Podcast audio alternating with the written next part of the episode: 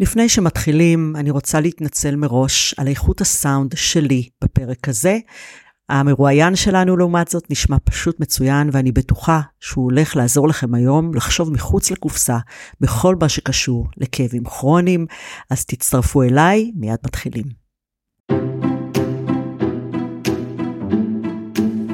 ברוכים הבאים לפרק נוסף של שינוי מבפנים, הפודקאסט לריפוי כאבי הלב והגוף. אני נורית פייט צגלה, מאמנת להתפתחות אישית ומאמנת להתמודדות עם כאבים כרוניים. גם הפעם נבחן מנקודת מבט אחרת כיצד אפשר לעשות שינוי מבפנים וליצור לעצמנו חיים יותר איכותיים, בריאים ומאושרים. לעתים קרובות אנשי רפואה שפוגשים אנשים שסובלים מכאבים כרוניים ללא הסבר גופני ברור, אומרים להם משפטים כמו זה קול בראש, או צא מזה אין סיבה להמציא כאבים כאלה. אבל בפועל האדם שיושב שם מול הרופא סובל ממש מכאבים אמיתיים לחלוטין. מאיפה מגיעים הכאבים האלה? ואיך אפשר להקל על הכאבים הללו? על זה ועוד אני שמחה לארח היום בתוכנית את דוקטור ישי פרידמן, מומחה ברפואה דחופה ומטפל בכאבים כרוניים בשיטת PRT. ברוך הבא לתוכנית ישי. היי, נעים מאוד, כיף להיות פה. איזה יופי. אה, אני אה, תמיד אוהבת להתחיל ישר אה, ככה באווירה אינטימית, אז אולי תציג את עצמך במילים שלך, ועוד יותר מעניין אותי לדעת, איך הגעת להתמקד בכאבים כרוניים? טוב, אז אני באמת, כמו שאמרת, אני, אני רופא מומחה ברפואה דחופה, עובד בעשר שנים האחרונות בעיקר במיונים ברחבי הארץ, ובן 43, יש לי חמישה ילדים, נשוי באושר, כן, אמ, ואיך הגעתי לכאבים, אני, אני חושב שהגעתי לטיפול בכאבים כרוניים, כן, אני, אני לא מומחה בכאב, זה חשוב להגיד, אני מומחה בטיפול בכאבים כרוניים, ובשיטת הפירטי, כמו שאמרת, יש התמחות, יש התמחות מאוד ספציפית בכאב, אין לי את הגושפנקה הזאת, אז אני לא מתיימר להיות מומחה בכאב אה, מבחינה רפואית. אמ, אבל, אבל הטיפול הזה של גוף נפש והטיפול הזה של לראות את הבן אדם בכללותו, זה משהו ש, שעומד לנגד עיניי כבר המון המון שנים, אני למדתי רפואה סינית אה, לפני שלמדתי רפואה, אמ, וזה היה לי קצת פער ותמיד היה החלום שלי זה לשלב בין שתי העולמות. ואני חושב שכשפגשתי את האוורד אה, שובנר, כששמעתי אותו מדבר בראשונה, זה פשוט נפל לי משהו אה, כמו איזשהו אסימון שנפל, והבנתי שזה שילוב ראוי. זה גם המון המון רפואה. זה לדעת באמת כשהכאב הוא אה, פיזיולוגי, כשהכאב הוא אה, אה, נורופטי, כן, כשהכאב הוא, זה, או, או כשהכאב הוא נורופלסטי, או שהכאב הוא באמת באמת בגלל, כן, באמת אנשים לא מכירים את המונחים האלה. אז, אז בטח ניכנס לזה, אבל uh, בגדול, ברגע, ש, שברגע שהבנתי שהאוורד ג'ובנר באמת דיבר את מה שאני כל הזמן חשבתי, ושזה מאוד מאוד מקופל ב, אה, בכל ה... אצל כל הרופאים, כן? הם, הם יודעים להגיד שמשהו בתסמינים האלה של הפיברומיאלגיה, של האינטרסטיציאל ציסטיטיס, של ה... של ה... כן, זה משהו שהוא הוא, הוא, הוא לא משהו שאפשר לכמת אותו, לא משהו שאפשר... אה, כן. אה, לשים את האצבע ולהגיד זה זה. לשים את האצבע ולהגיד שזה זה, וזה לא הגידול שעושה את הכאב. אז הם יודעים שיש שם משהו שהוא מאוד מאוד אה, משלב את הגוף ונפש, אף אחד לא מדבר את זה, אף אחד לא יכול להגיד את זה ולכוון בדיוק לדבר הזה. ועוד פעם, שמעתי מישהו שהוא פשוט מדבר את הדברים שתמיד חשבתי הוא נותן להם מילים, וככה גם אה, נותן גם איזושהי גישה איך, איך לגשת בכלל. אה, לטפל בכאב הזה. ואני מישהו לא מכיר, אז מדובר על דוקטור האוורד שובינר, שהוא כן. אחד מחוקרי אה, מנגנון הכאב בעולם, והוא אמריקאי, נכון? כן. אה, הוציא הרבה מחקרים ופרסומים של המחקרים שלו, באמת על כל נושא הכאב הכרוני. כן, גם על, בעיקר בנושא של, של גוף נפש, בעיקר של נושא של, של כאבים נורופלסטיים, היה פעם, אה, פעם קראו לזה פסיכוסומטיקה, אמ, אבל זה כבר בגלל הסטיגמה של פסיכוסומטיקה, אנשים פחות, אה, פחות מתחברים למושג הזה, ו, ו, וככה מביאים לזה כל מיני mind body, mind body syndrome ככה זה הרופאים שבאו לקרוא לזה ונותנים לזה שמות אחרים ובאמת נותנים קשר ישיר בין התחושות הסומטיות הגופניות לבין המצב הרגשי נפשי אה, של הבן אדם.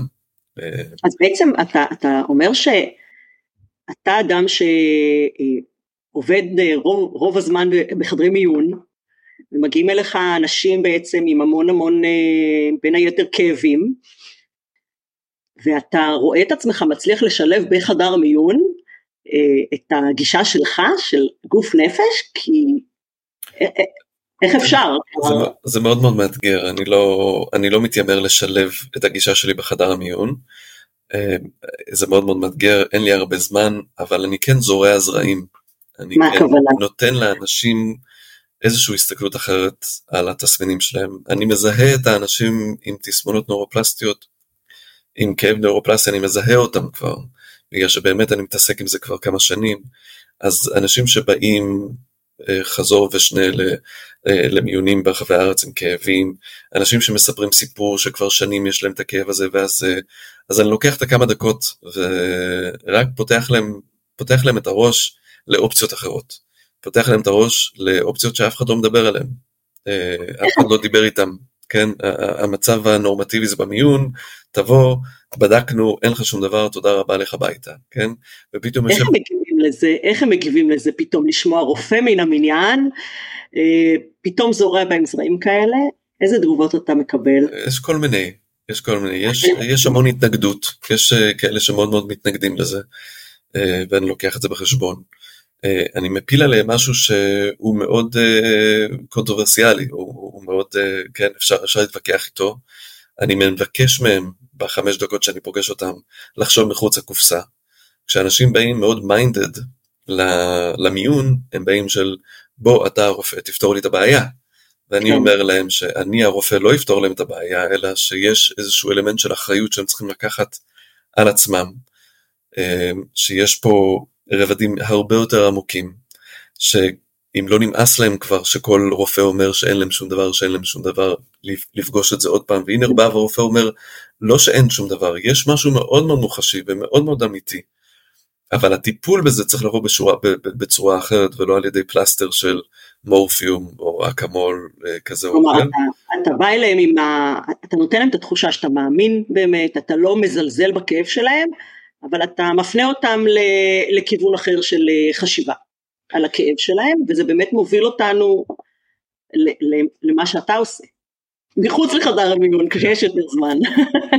קודם כל זה מאוד מאוד מאוד חשוב להגיד, וזה משהו שמאוד מאוד פוגש אותי אישית כשאני שומע רופאים שמדברים ככה, אבל מאוד מאוד חשוב להגיד שכל כאב הוא כאב אמיתי.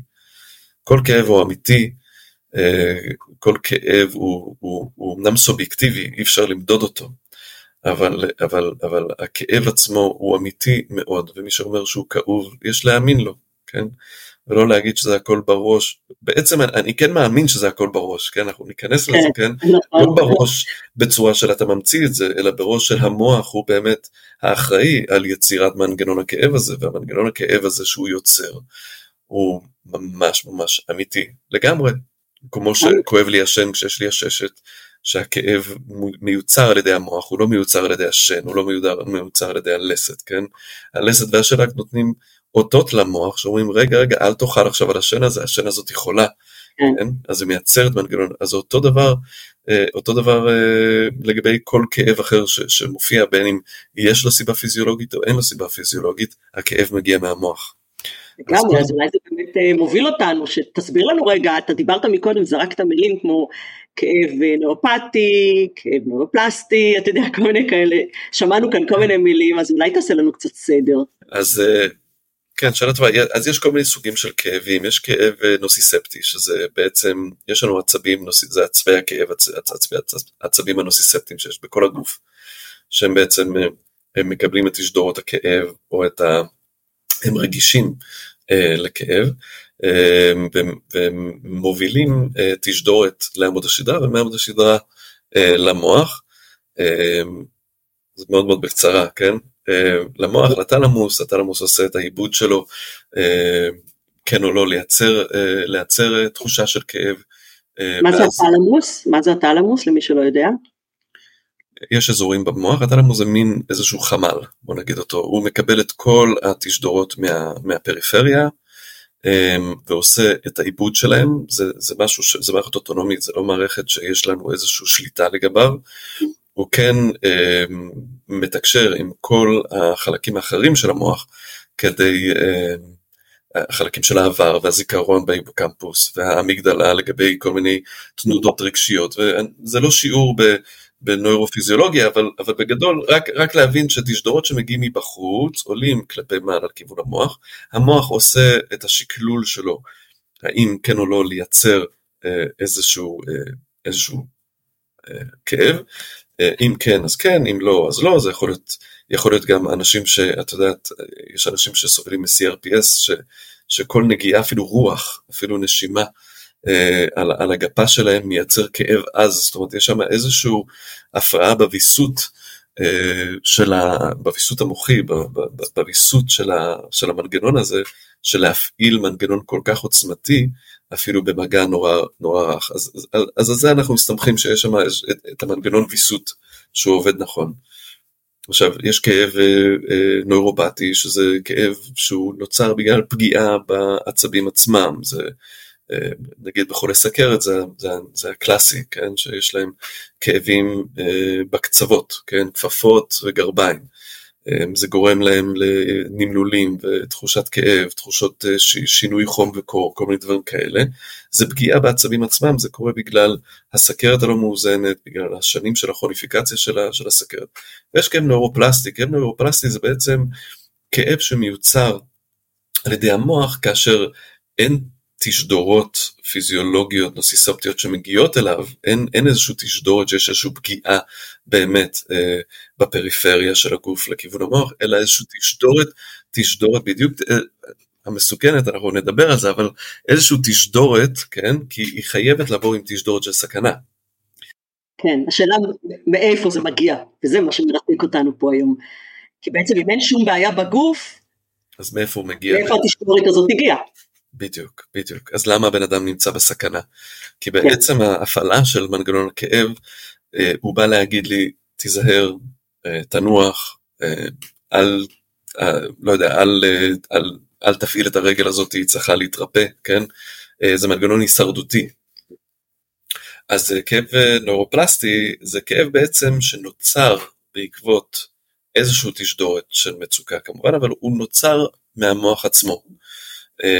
הוא נוצר אה, בעקבות אולי איזושהי התניה מוחית, הוא נוצר בגלל אה, מערכת, אה, מסלול עצבית אה, קבועה שמופעלת כל הזמן.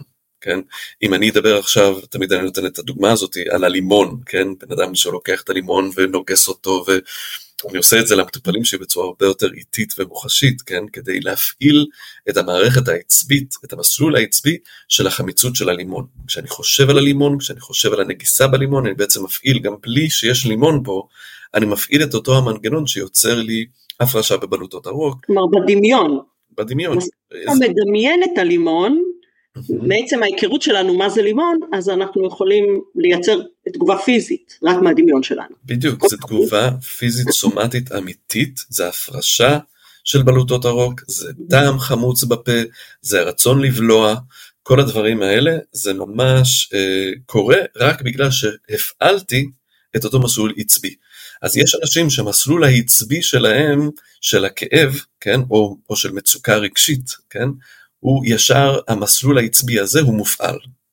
ודוגמה לזה זה, זה לצורך העניין מישהו שהוא נורא נורא נורא מתרגש לקראת איזשהו ראיון עבודה או ראיון בפודקאסט ולפני הראיון הזה או, או לפני המבחן הזה הוא ממש מרגיש פרפרים בבטן, כן? או שהוא מרגיש צורך ב, אה, ביציאה או שהוא מרגיש בחילות, כן? זה, זה ממש תגובה של מסלול עצבי סומטי, שאצלו, של אותו בן אדם הזה, זה בא לידי ביטוי, הרגש שלו, ההתרגשות שלו, מביאה לידי ביטוי רגשי, אבל בבטן, כן? איזשהו כן. כאב בטן, איזשהו בחילה, איזשהו זה, אף אחד לא הולך עם זה לרופא, כולם עושים את הקשר הישיר הזה בין אה, ההתרגשות שלי לבין התחושות האלה בבטן. אז, אז למה, למה אתה חושב יש אנשים שהם לא מצליחים לעצור, לעשות את הקשר הזה כשהכאב הופך לכרוני? בדיוק, אז כשהכאב הופך לכרוני אנחנו בעצם, אנחנו שוכחים, כי כל החיים שלנו לימדו אותנו שאם כואב לי בגב, אז יש לי בעיה בגב.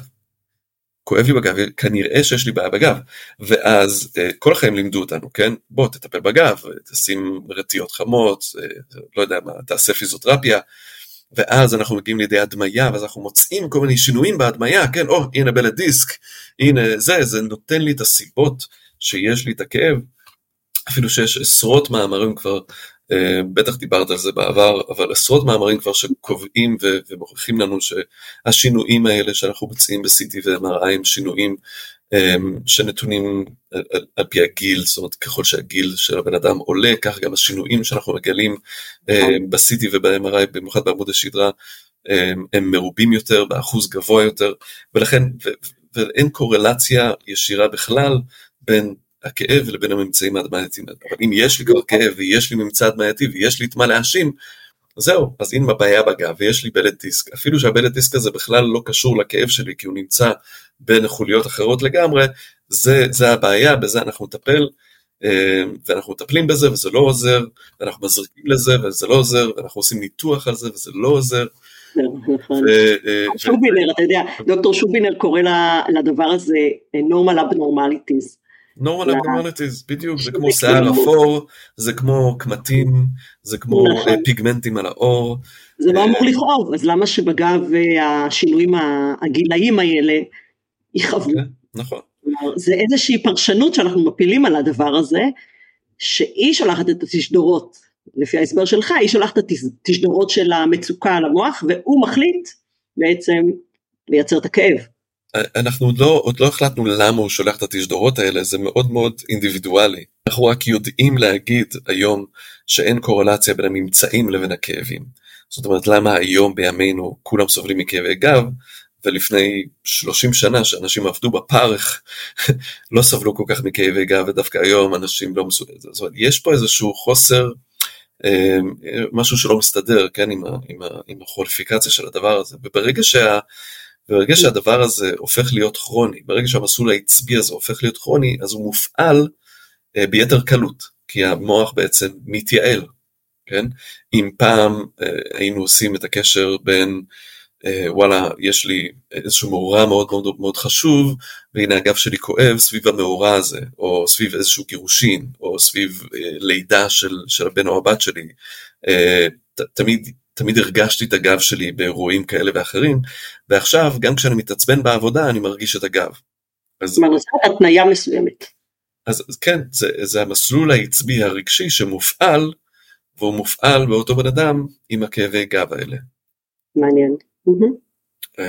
אז אני לא זוכר כך את השאלה, אבל זה, אז הכאב הנוירופלסטי, כן, הכאב הנוירופלסטי זה בעצם, זה בעצם המסלול העצבי הזה. והחדשות הטובות בדבר הזה זה שאנשים שבאים אליי עם כאבים ועשר שנים ולא מוצאים להם שום דבר ושום דבר והכל בסדר והכל בסדר והם נורא נורא מתוסכלים ואני אומר להם זה חדשות מעולות שלא מצאו שום דבר, שהם עשו את ה-CT ו-MRI והכל זה חדשות מעולות בגלל שיש פה תקווה, בגלל שיש פה משהו שאפשר לטפל בו רק בשיטה אחרת, זה רק להבין. איך הם מגיבים לזה כשאתה פתאום עושה להם סוויץ' נקודת מבט ואומר לנו רגע דווקא זה חדשות טובות כי אנחנו רגילים אם לא מוצאים כלום להיכנס עם זה לסטרס. נכון. ופתאום אומר להם לא אין לכם מה להיכנס לסטרס להפך זה משחרר. הם באמת מרגישים את השחרור הזה כשאתה משנה להם את נקודת המבט? זה לוקח זמן כי אנשים מתוסכלים לא בגלל שאין להם דיאגנוזה, הם מתוסכלים כי הם לא מצאו את הרופא הנכון שייתן להם את הדיאגנוזה האמיתית. כלומר, מה שהם רוצים לשמוע בעצם. בדיוק, והם מחפשים, מחפשים. מחפשים, מחפשים, וכל אחד אומר אין לו כלום. עד שבא בן אדם ואומר יש לך משהו וזה מה שיש לך אז יש שם משהו שמרגיע אבל אבל זה יש לך משהו שהוא מחוץ לקופסה. אז זה כן. קצת כזה הם צריכים להכיל את הקוטביות הזאת שאני אומר להם הבעיה היא לא בגב שלך כן הגב שלך בסדר גמור וזה חלק גם מהטיפול של להבין באמת שהבעיה היא לא בגב ולצאת מהקיבעון המחשבתי הזה שכל החיים שלנו לימדו אותנו שאם כואב לי בברך אז הבעיה שלי בברך אם כואב לי בגב אז הבעיה שלי בגב, ואם יש לי מיגרנה אז כנראה שיש לי משהו בראש שעוד אף אחד לא מצא, אפילו שכל ה-MRI ועשיתי והכל תקין, בטח יש איזשהו גידול קטן שאף אחד לא ראה אותו, כן? זה, זה מה שאנשים, איך יכול להיות שאני סובל מכאבים כל כך כל כך גדולים כשאין שום דבר בשום מקום? זה מצוין. פיברומיאלגיה שהם באמת, הם הולכים לכל מקום אפשרי, לכל מחלקה אפשרית כדי שיעזרו להם, כי כואב להם all over. לגמרי, ולפעמים ההבחנה לוקחת הרבה זמן עד שמקבלים את ההבחנה הזאת, ואז כשמקבלים את ההבחנה, אז מה קורה? מה עושים עכשיו? אז הם מקובעים, אז הם מקובעים לאיזושהי הבחנה, זה ספציפית לפיברומיאלגיה, שלפי דעתי גם לתת את ההבחנה הזאת היא קצת אה, כן, כן היא, היא, היא עושה עוול למטופל, כי, כי בעצם מה זה פיברומיאלגיה? זה דאבת שרירים, זה כאבים בשרירים, זה השרירים שלך כואבים. אז הייתי אומרת שיש לנו עוד איזושהי בעייתיות ספציפית עם פיברו, כי, כי הבנתי שגם ביטוח לאומי עכשיו אה, מכיר במחלה הזאת, ואז השאלה כשפתאום אה, ביטוח לאומי מכיר במחלות מסוימות שאנחנו יודעים שאין להם איזושהי סיבה ספציפית אה, פיזית בגישה שלנו, אז האם אה, החולים רוצים לשמר את המחלה כדי להוכיח לביטוח לאומי, אתה יודע, שהם חולים, או, אני מסכים לשחרר את הצורך הזה. אני תמיד נזהר ב...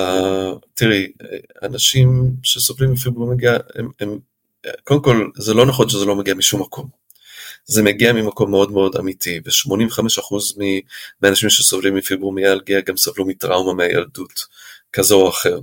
ו, וזה לא הוגן להגיד שזה לא מגיע משום מקום, אלא שזה, המקום הגופני הוא בסדר. בדיוק.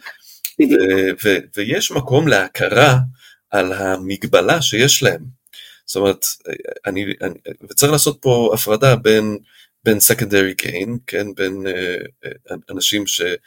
שנצמדים, ו- ו- ו- וזה אנשים שנצמדים להבחנה הזאת ולא רוצים לצאת מההבחנה הזאת כדי להשיג את הדברים האלה, ותמיד יהיו אנשים כאלה, ולא בגלל, לא, לא ממקום שיפוטי או ביקורתי, אלא ממקום שבאמת מבין את הצורך הרגשי שלהם להיות, להיות קורבני כרגע, כי הם ממש צריכים עזרה. ולקחת בן אדם שהוא כל כך כאוב, וכל כך עייף, וכל כך תשוש, כן? ולהגיד לו אתה נאחז במחלה שלך, זה, זה, זה אמירה מאוד מאוד לא פשוטה, אני, אני לא... אני, אני לא, מסכימה, אני מסכימה. אני לא, אומר, אני לא אומר את זה, כי הכאב שלהם, כמו שאמרנו, הוא אמיתי, והעייפות הכרונית שלהם הוא, הוא אמיתי, וה, והקושי שלהם לקום מהמיטה הוא אמיתי לגמרי, והעבודה שהם צריכים לעשות כדי להתגבר על זה, זה עבודה סופר קשה. זה העבודה שאני עושה עם האנשים האלה, היא עבודה שדורשת מהם מאמצי על. כן. אנחנו תכף נגיע שתספר לנו על, ה, על השיטה שלך באמת. כן, ו- ו- ולקבל, רגע עוד, עוד, עוד איזושהי מילה, כאילו ולקבל את העזרה שמגיע להם על מנת שהם יוכלו לרפא את עצמם, אני חושב שזה גם חשוב עם ביטוח לאומי, זה שביטוח לאומי מקבל את הכרה במחלה כזאת או אחרת זה, זה לא העניין שלי, אבל עצם זה שכאילו יאפשרו להם לבוא למטפלים כמוני או כמוך ו- כן. ולקבל את המענה. יהיה להם את היכולת, את היכולת אפילו הכלכלית כדי באמת לטפל בעצמם. בדיוק. אה, בעזרת הטיפול הנכון. איזה, יש עוד טריגרים שאתה, מלבד למשל טראומה כמו שסיפרת, אה, שאתה יודע שהם יותר נפוצים ליצירת כאב כרוני שכזה, נוירופלסטי כזה? אה, טראומה זה רק, אמרתי את זה בהקשר של פיברומיאלגיה כי זה נחקר, אבל כאב נוציפלסטי, אני חושב שאין בן אדם אחד בעולם שלא חווה את הכאב הזה, והכאב הזה אה, הוא נוצר בעקבות איזשהו הסלמה או stacking, לא יודע את המילה בעברית, stacking של, של מאורעי... דבר על דבר, הצטברות. הצטברות, כן. הצטברות של, של, של סטרס, הצטברות של, של מתח, אמ, זה נשמע כביכול כאילו איזשהו new אה, age-י כזה, אבל זה מאוד מאוד לא נכון. כשבן אדם נמצא, ואני אקח סתם את, את הטראומה כ, כ, כ, כקיצון, כן? הטראומה זה קיצון, אבל כשבן אדם עובר איזושהי חוויה טראומטית והוא בפוסט טראומה, אז הבן אדם עצמו נמצא במצב חרדתי, אה, במצב של סטרס מאוד מאוד מוגבר בכל שעות היום. כן, המערכת הסימפתטית שלו עובדת באובר כל הזמן, כל הזמן, כל הזמן, כל הזמן. באיזשהו שלב, כי, כי פשוט הוא לא מצליח להרגיע את המקום הזה, הוא כל הזמן בחשש, זה הייפר ויג'לנס קוראים לזה, זה, הוא חשש של משהו, מה, משהו יקרה, הוא חייב להיות מוכן ובהיכון כל הזמן. עכשיו המערכת הסימפתטית הזאת היא נועדה להציל את עצמנו מהאריה שטורף אותנו, היא נועדה לעבוד ב... ב, ב רגעים קצרים, כאילו, כן, בכמה דקות, כן, היא לא נועדה לעבוד על פני שנים ו- אה, וחודשים, אז מי שיש לו את זה על פני שנים וחודשים באיזשהו שלב, המנגנון הזה אה, והסטרס הכל כך אה, כרוני הזה גורם לשינויים בתא, גורם לשינויים מיטוכונדריאליים, גורם לשינויים בחלבונים שמיוצרים, גורם לשינויים בהורמונים שמיוצרים.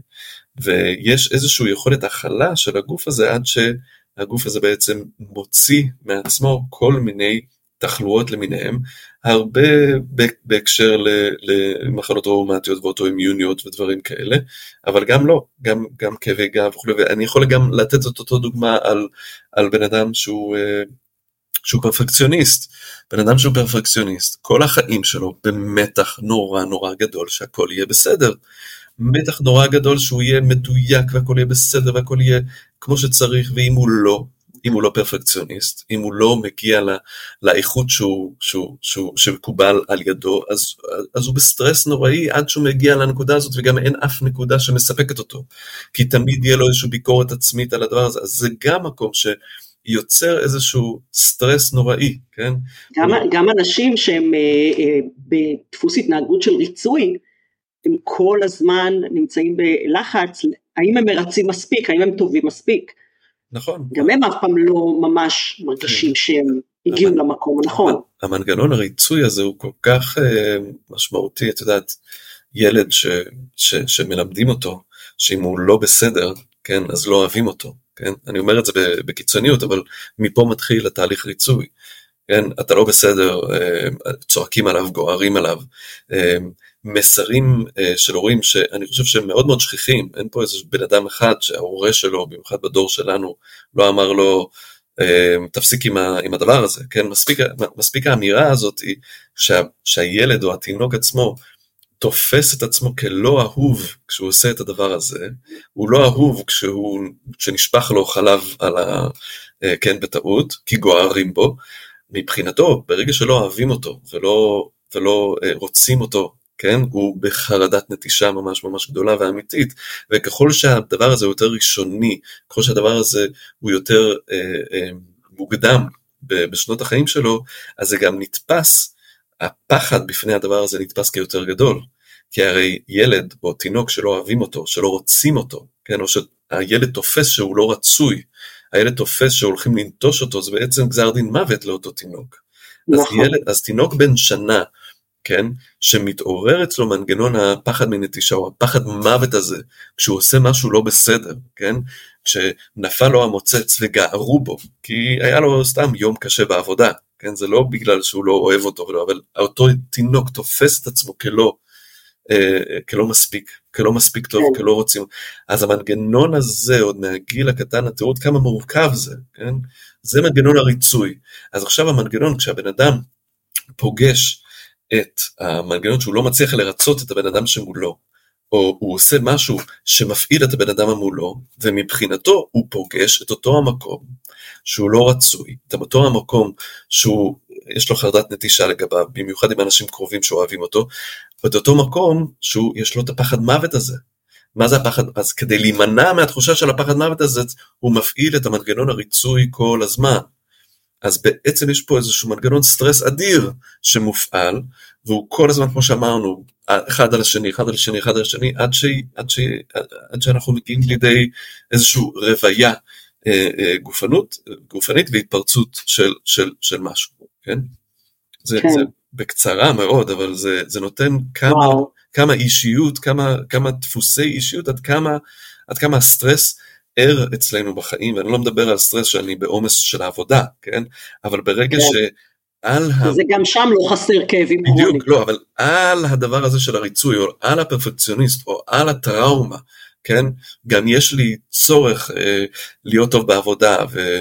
ולהיות אבא, אבא טוב ובן זוג טוב וכל הדברים האלה שמתלבשים על הדבר הזה שמעמיסים עוד יותר ועוד יותר, אז אין פלא שאנשים שהם קצת יותר רגישים, אפרופו פיברומיאלגיה, כן, פיברומיאלגיה ידוע שזה פוגש אנשים הרבה יותר רגישים, לא רק רגישים מבחינת הסביבה, כן, שהם the very, uh, uh, the very sensitive child, כן, לא רק הדברים האלה, אלא גם באופן אובייקטיבי, התחושה שלהם על הגוף, היא יותר, הם יותר רגישים, הם יותר ערים לתחושות כן. גופניות שלהם, כן?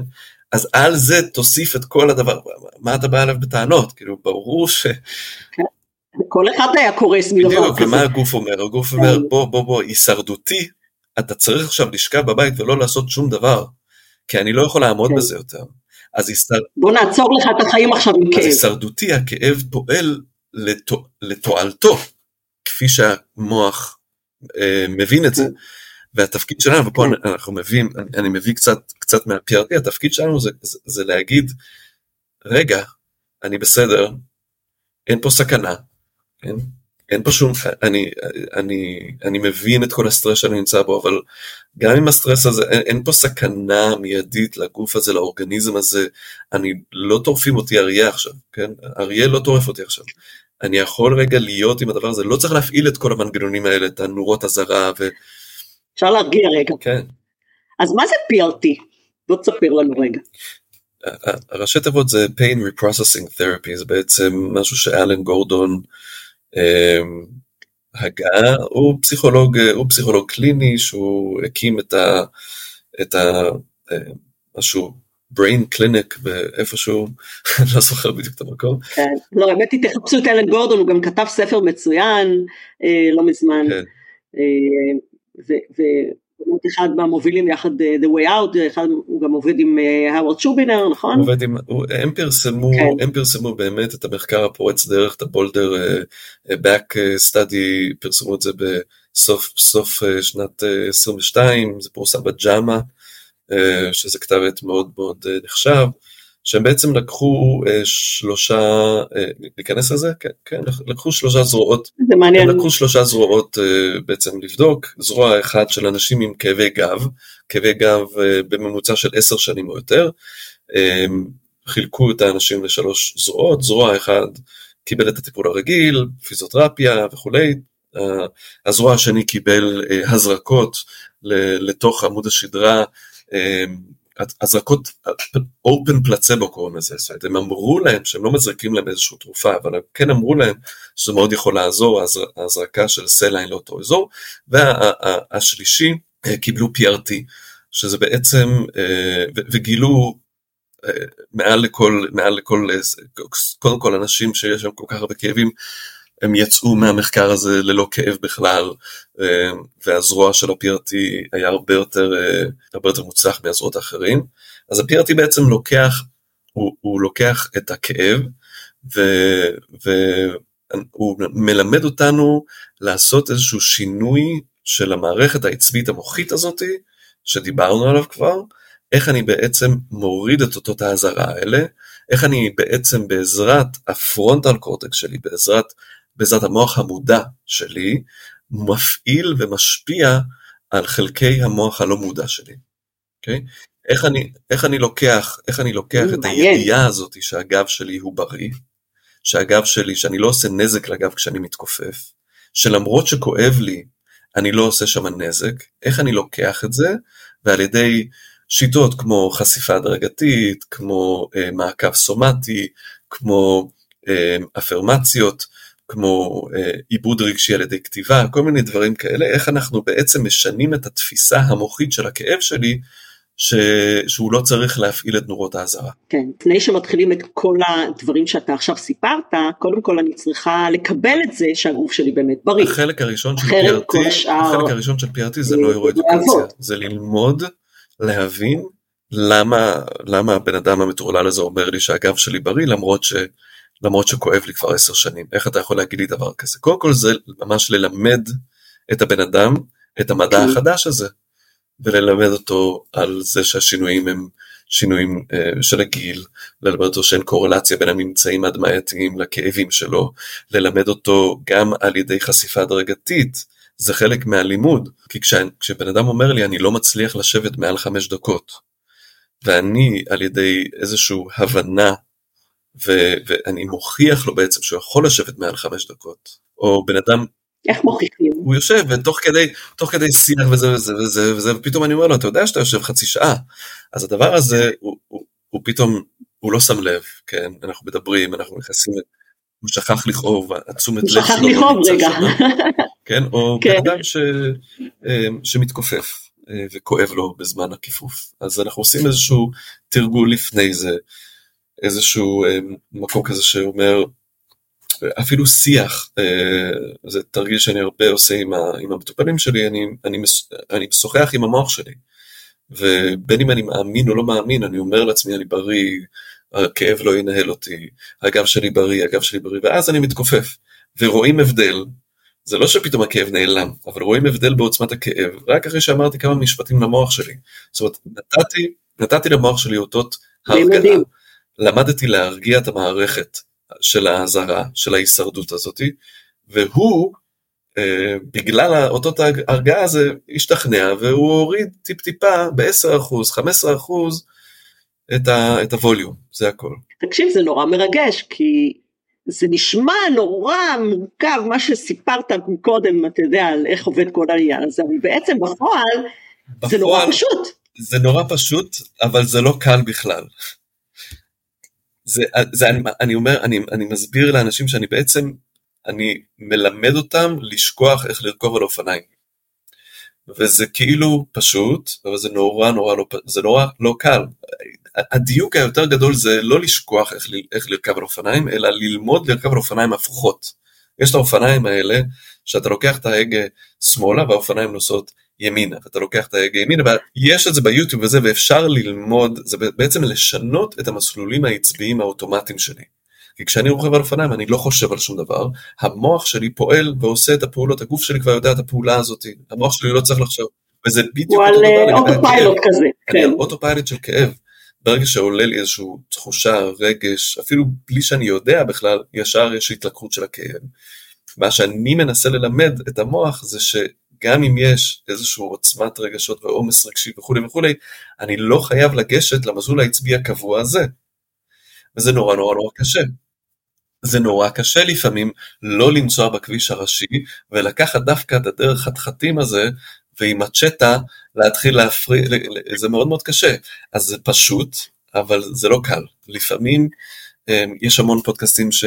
שיש שם המון סיפורי הצלחה של אנשים שהצליחו להעלים את הכאב שלהם וכולי וכולי, וחשוב גם להגיד שיש אנשים שזה עובד להם ממש כמו, אה, אה, כמו קסם. רוב האנשים צריכים לעמול בזה. כן. הם ממש צריכים לעמול בזה, וזה חלק מהדברים שהתיאום ציפיות שאני עושה עם המטופלים שלי, זה לא קסם, זה לעמול בזה. זה כל הזמן יש רצון ללכת ו- ולהשתמש באוטוסטרדה הזאת, להשתמש במסלול העצבי הכרוני הזה, זה שמה, זה האוטומטי שלי, ואני צריך לפעול הפוך מהאוטומטי שלי. כחלק מה, מהתהליך הפרטי שאתה עושה עם אה, מטופלים, אתה נכנס גם אה, עמוק לתוך הסיבות למה, למה זה קורה, איזה טריגרים יש להם, או שזה בעצם לא כל כך משנה מה הטריגר, אלא משנה התגובה שלנו לכאב. אני אישית אה, אוהב להיכנס קצת, אין לי את ההכשרה בתור פסיכותרפיסט, אז גם חסרים לי אה, כלים להיכנס מאוד מאוד לעומק בדברים האלה, ואם אני פוגש שם אה, אזורים שדורשים יותר טיפול פסיכותרפיה, אז אני באמת מפנה. למשל כמו איזה טראומה מאוד גדולה, כן, או איזה טראומה מינית גדולה, או איזה משהו כזה. או... ממש, אבל, אבל אני חושב שזה כן מן הראוי לגעת ולגשת לדברים האלה, אפילו, אפילו בצורה ראשונית, ולעשות את ההקשר ההגיוני כל כך, כן, בין, בין הכאב לבין, לבין, ה, אה, לבין מה שהגוף הזה עבר כל החיים שלו, כן?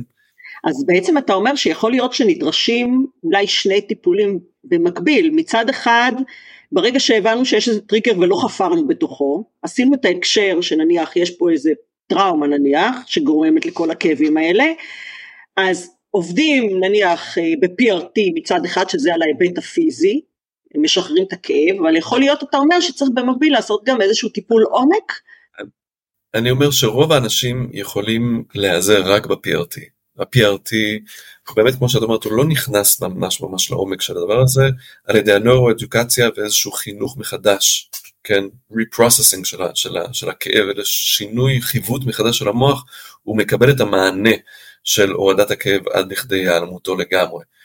אמ, יש אנשים שזה לא עובד להם, וכשזה לא עובד אז צריך להיכנס יותר, יותר לעומק, ו- ו- ו- ולבחון, כן, יש שם דברים שממש צריכים להשתנות בתפיסה שלי כלפי העצמי שלי, כן, האישיות שלי צריכה להשתנות בכלל, זה, זה, מה, זה איזשהו תהליך הרבה יותר עמוק, אבל, אבל לרוב האנשים זה מספיק, פשוט מספיק uh, ללמד אותם שהגב שלהם בסדר, להראות להם שהוא בסדר, לעשות כל מיני תרגילים של הפרדה, זה גם נושא מאוד מרכזי ב-PRT, זה להפריד בין הפחד והכאב.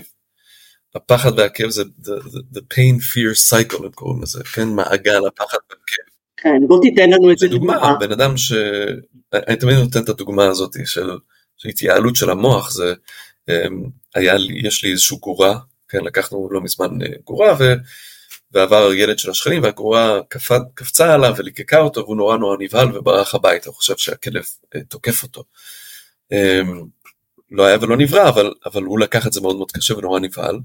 ואחרי איזשהו כמה זמן הוא עבר ליד, אה, ליד הזה והכלבה כאילו אה, נבחה עליו והוא עוד פעם ברח הביתה. אחר כך אני רואה אותו, ההורים שלו אומרים לו שהוא לא מסוגל לעבור ברחוב בלי שההורים מלווים אותו. כן, כי הוא נורא נורא מפחד מהכלבה.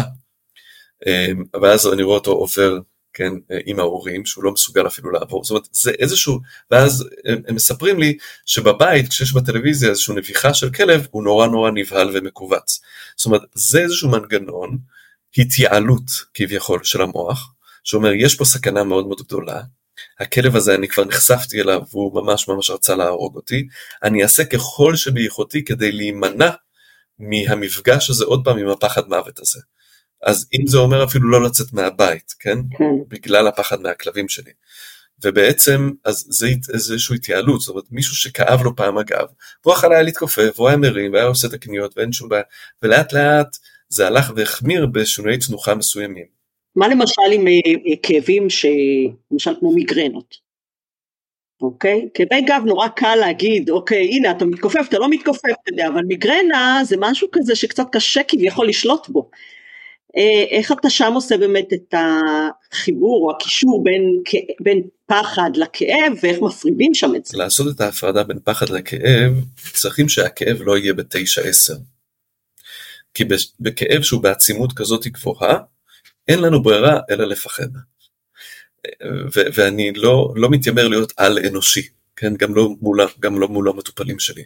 כן, זה גם לגיטימי, זה בסדר לתת לגיטימציה לרגשות. אין ברירה, זה לא איזשהו, כשהעוצמה, כשהמיגרנה, ש, כש, כשיש כן. התקפי מיגר, התקפים מיגרנוטיים, זה התקפים מאוד מאוד עזים בעצימות מאוד מאוד גבוהה, והטיפול שלהם שם הוא יותר קשה, כי אין הרבה משחק. כש, כשמגיע כאב כן. כזה שאתה לא יכול לעשות שום דבר בו, כן? אז לשחק, אני אומר במרכאות, עם התחושות שסובבות את הכאב הזה, הם יותר איזה, אז העבודה צריכה לעשות, קודם כל העבודה צריכה לעשות בטרום מיגרנה, יש הרבה אנשים שסובלים ממיגרנות אבל גם סובלים מכאבי ראש כאלה ספורדיים למיניהם שהם הרבה יותר נסבלים, יש להם הרבה זמן לפני שמרגישים שהמיגרנה הולכת לבוא, אמ, אמ, שאפשר לעבוד שם עדיין עם הכאב ולהרגיע את המערכת הסימפתטית ולהפריד בין הפחד מהכאב שזה בעצם אוי ואבוי יש לי משהו אני הולך למות עד זה, זה בכיוון אחד לא גילו שום דבר אני בטוח שיש לי סרטן או איזה מייאש זה, זה בחיים לא יעבור לי, אני תמיד אהיה במצב הזה, או איזה הורה אני, אני לא יכול לתפקד בבית, או איזה בן זוג אני, כל, כל, כל אחד והסיפור שלו כשאני מדבר על פחד, אני מדבר על כל המגוון הזה של השיח הפנימי השלילי הזה, הביקורת העצמית והפחד מה, מה, מהכאב עצמו, עד כמה הוא מנהל אותי. אני רוצה לעשות כל דבר שביכולתי רק שהכאב הזה לא יגיע. ובעצם מה שהפיירטי אומר, רגע, הכאב נמצא, בוא תסתכל עליו בתור תחושה, בוא תפריד את הפחד שלך מהכאב, מהכאב עצמו. בוא תוריד את מערכת הסימפתטית. עכשיו זה עבודה, זה לוקח קצת זמן, זה לא איזשהו בום טראח וגמרנו וזה קורה. זה... זה... להבין, אתה יודע. מאמינה שמי שמתחיל פעם ראשונה איתך לתרגל את זה, אז הוא צריך בכלל להבין את הכלי הזה. זו שפה חדשה, וזו שפה חדשה שפשוט כן. צריך להתאמן, להתאמן, להתאמן, ולאט לאט משהו שם משתנה. ואז פתאום כשמגיע הכאב הזה, אז אפשר אפילו לגחך שם ולהגיד, נו, עוד פעם אתה הגעת. יש שם איזשהו מקום כזה שהמטופלים שלי פתאום, כן. יש אפילו איזשהו שלב שהמטופלים שלי מחכים לכאב, כדי שהם יוכלו לקבל את ה... הם יוכלו להתגבר עליו, הם יוכלו, יוכלו להוכיח לה, כן. להוכיח לעצמם שהם מסוגלים, לא שזה עובד. הם יוכלו, ו... וכן, זה, זה, זה, זה חלק מאוד נכבד גם של העבודה הזאת. כי בעצם אנחנו יודעים שהפחד עצמו הוא זה שמגביר את ההתייעלות של המוח, הוא אומר, יש פה פחד, יש פה סכנה, אני צריך שיכאב, כן? אני, יש פה מעגל כזה, שאתה משכנע את המוח שמה שהוא עושה זה נכון. אתה משכנע בעזרת הפחד שלך, לא רצוני אמנם, אבל אתה משכנע את המוח שיש פה מקום שהוא ממש ממש מפחיד, יש פה סכנה אמיתית, הצורך בהישרדות הוא גדול, אז יש לך מיגרנה, תשב בבית ו- ו- ואל תעשה שום דבר, שלא חס וחלילה, כן? הישרדותי. אז זה מין איזשהו מלכוד 22, זה מין כזה, אתה לא, אי אפשר לצאת מהלופ הזה. זהו, אבל PRT בעצם זה איזושהי דלת שמאפשרת לנו, אפשר בדיוק. לפתוח אותה ולצאת בדיוק. מהלופ הזה, שזה מה שיפה. ככה, אנחנו עוד מעט צריכים לסיים, אבל יש לי עוד שאלה אחת שמעניין אותי גם לשאול, אמ, איפה נכנס כאן מימד הסבל?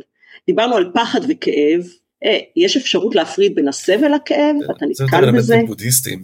אה, אני חושב, ש, אני חושב שמי שמפחד הוא סובל. אה, מי, ש, מי, ש, מי שמתקרבן, כן, אוי ואבוי איך זה קרה לי, הוא סובל והסובבים שלו סובלים, כן?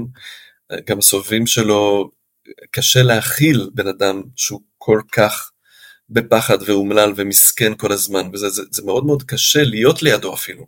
אז יש פה, יש פה, יש פה מעגלים מורכבים מאוד של סבל סביב הכאב הזה, לא רק, לא רק הסבל האישי שלו שכואב לו וזה באסה, אלא כל הסביבה שלו סובלת מהדבר הזה שהוא כל כך מגביל אותו אה, ביום יום, שהוא לא מצליח לעבוד, הוא לא מצליח לתפקד, לא מצליח, כל מיני דברים כאלה, זאת אומרת, אז הסבל כשלעצמו, אתה יודע, זה כל כך הרבה רבדים של סבל סביב המחלות הכרוניות האלה. אז זה בעצם מחזיר אותנו לאותו מקום, כי ברגע שאתה מצליח אה, לקבל את עצמך, לדעת שאתה לא אשם בזה, שיש לך בעצם כוח לטפל בעצמך, יש לך יכולת ושליטה בדבר הזה, אז אתה לאט לאט יוצא מדפוס הקורבנות, ואז אתה גם בעצם משתחרר מהסבל הזה שאתה לגמרי, מרגיש, אתה, והסבל שאתה משליך על הסביבה. אתה פתאום לוקח אחריות על הסיטואציה, אתה לא נותן את האחריות למישהו אחר, ואומר בוא תרפא אותי, אלא, וזה נותן העצמה מאוד מאוד גדולה. כן, זה נותן העצמה, וזה חלק מהשיעורים שנלמדים, תמיד אני אומר מה, מה הכאב בא ללמד אותך. אז חלק מהשיעורים ש, שהרבה המטופלים שלי מדווחים זה באמת באמת איזושהי העצמה אישית, לקיחת אחריות, ולהאמין לעצמו, להאמין למסוגלות שלו, לדעת לחגוג את הניצחונות הקטנים, זה סופר חשוב.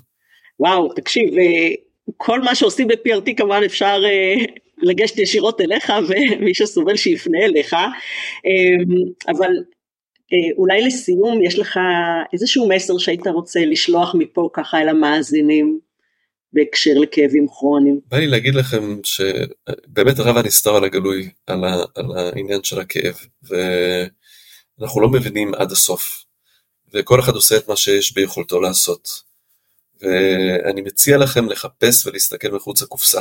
ומי ששומע את זה ומקבל כל כך הרבה לואים וכל כך הרבה ללמד לחיות עם זה וכל כך הרבה דברים שמייאשים וממש ממש מאמללים, פשוט אל תיקחו את זה כמובן מאליו.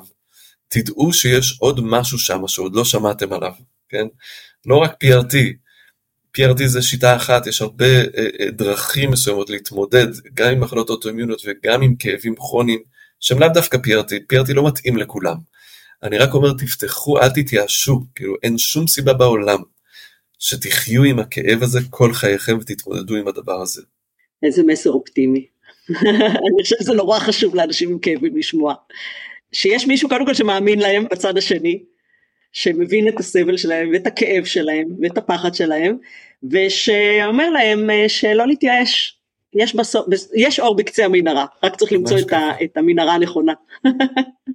אז אני רוצה אה, להודות לך, ישי שהתארחת אצלנו, היה ממש ממש מעניין. אה, שיתפת אותנו בהמון ידע מקצועי ובדוגמאות ואני חושבת שזה חשוב מאין כמותו בשביל המאזינים. ואני בטוחה שפתחת להם את הראש, הוצאת להם קצת את, את עצמם מחוץ לקופסה בשיחה הזאת. במידה ותרצו ליצור קשר אה, עם ישי, אז אני אשאיר אה, פרטי קשר שלו בתיאור מתחת לפרק, כן. אתה תשאיר לי את הפרטים ישי אחר כך. ואם היה לכם מעניין ואהבתם את הפרק, אז אל תשכחו להירשם לפודקאסט ולהתעדכן על פרקים חדשים שעולים, וכמובן לדרג את הפודקאסט וככה תעזרו לתפוצה שלו ליותר אנשים. אתם גם מוזמנים להמשיך ולעקוב אחרי התכנים שלי דרך הלינקים הנוספים שמצורפים בתיאור של הפרק.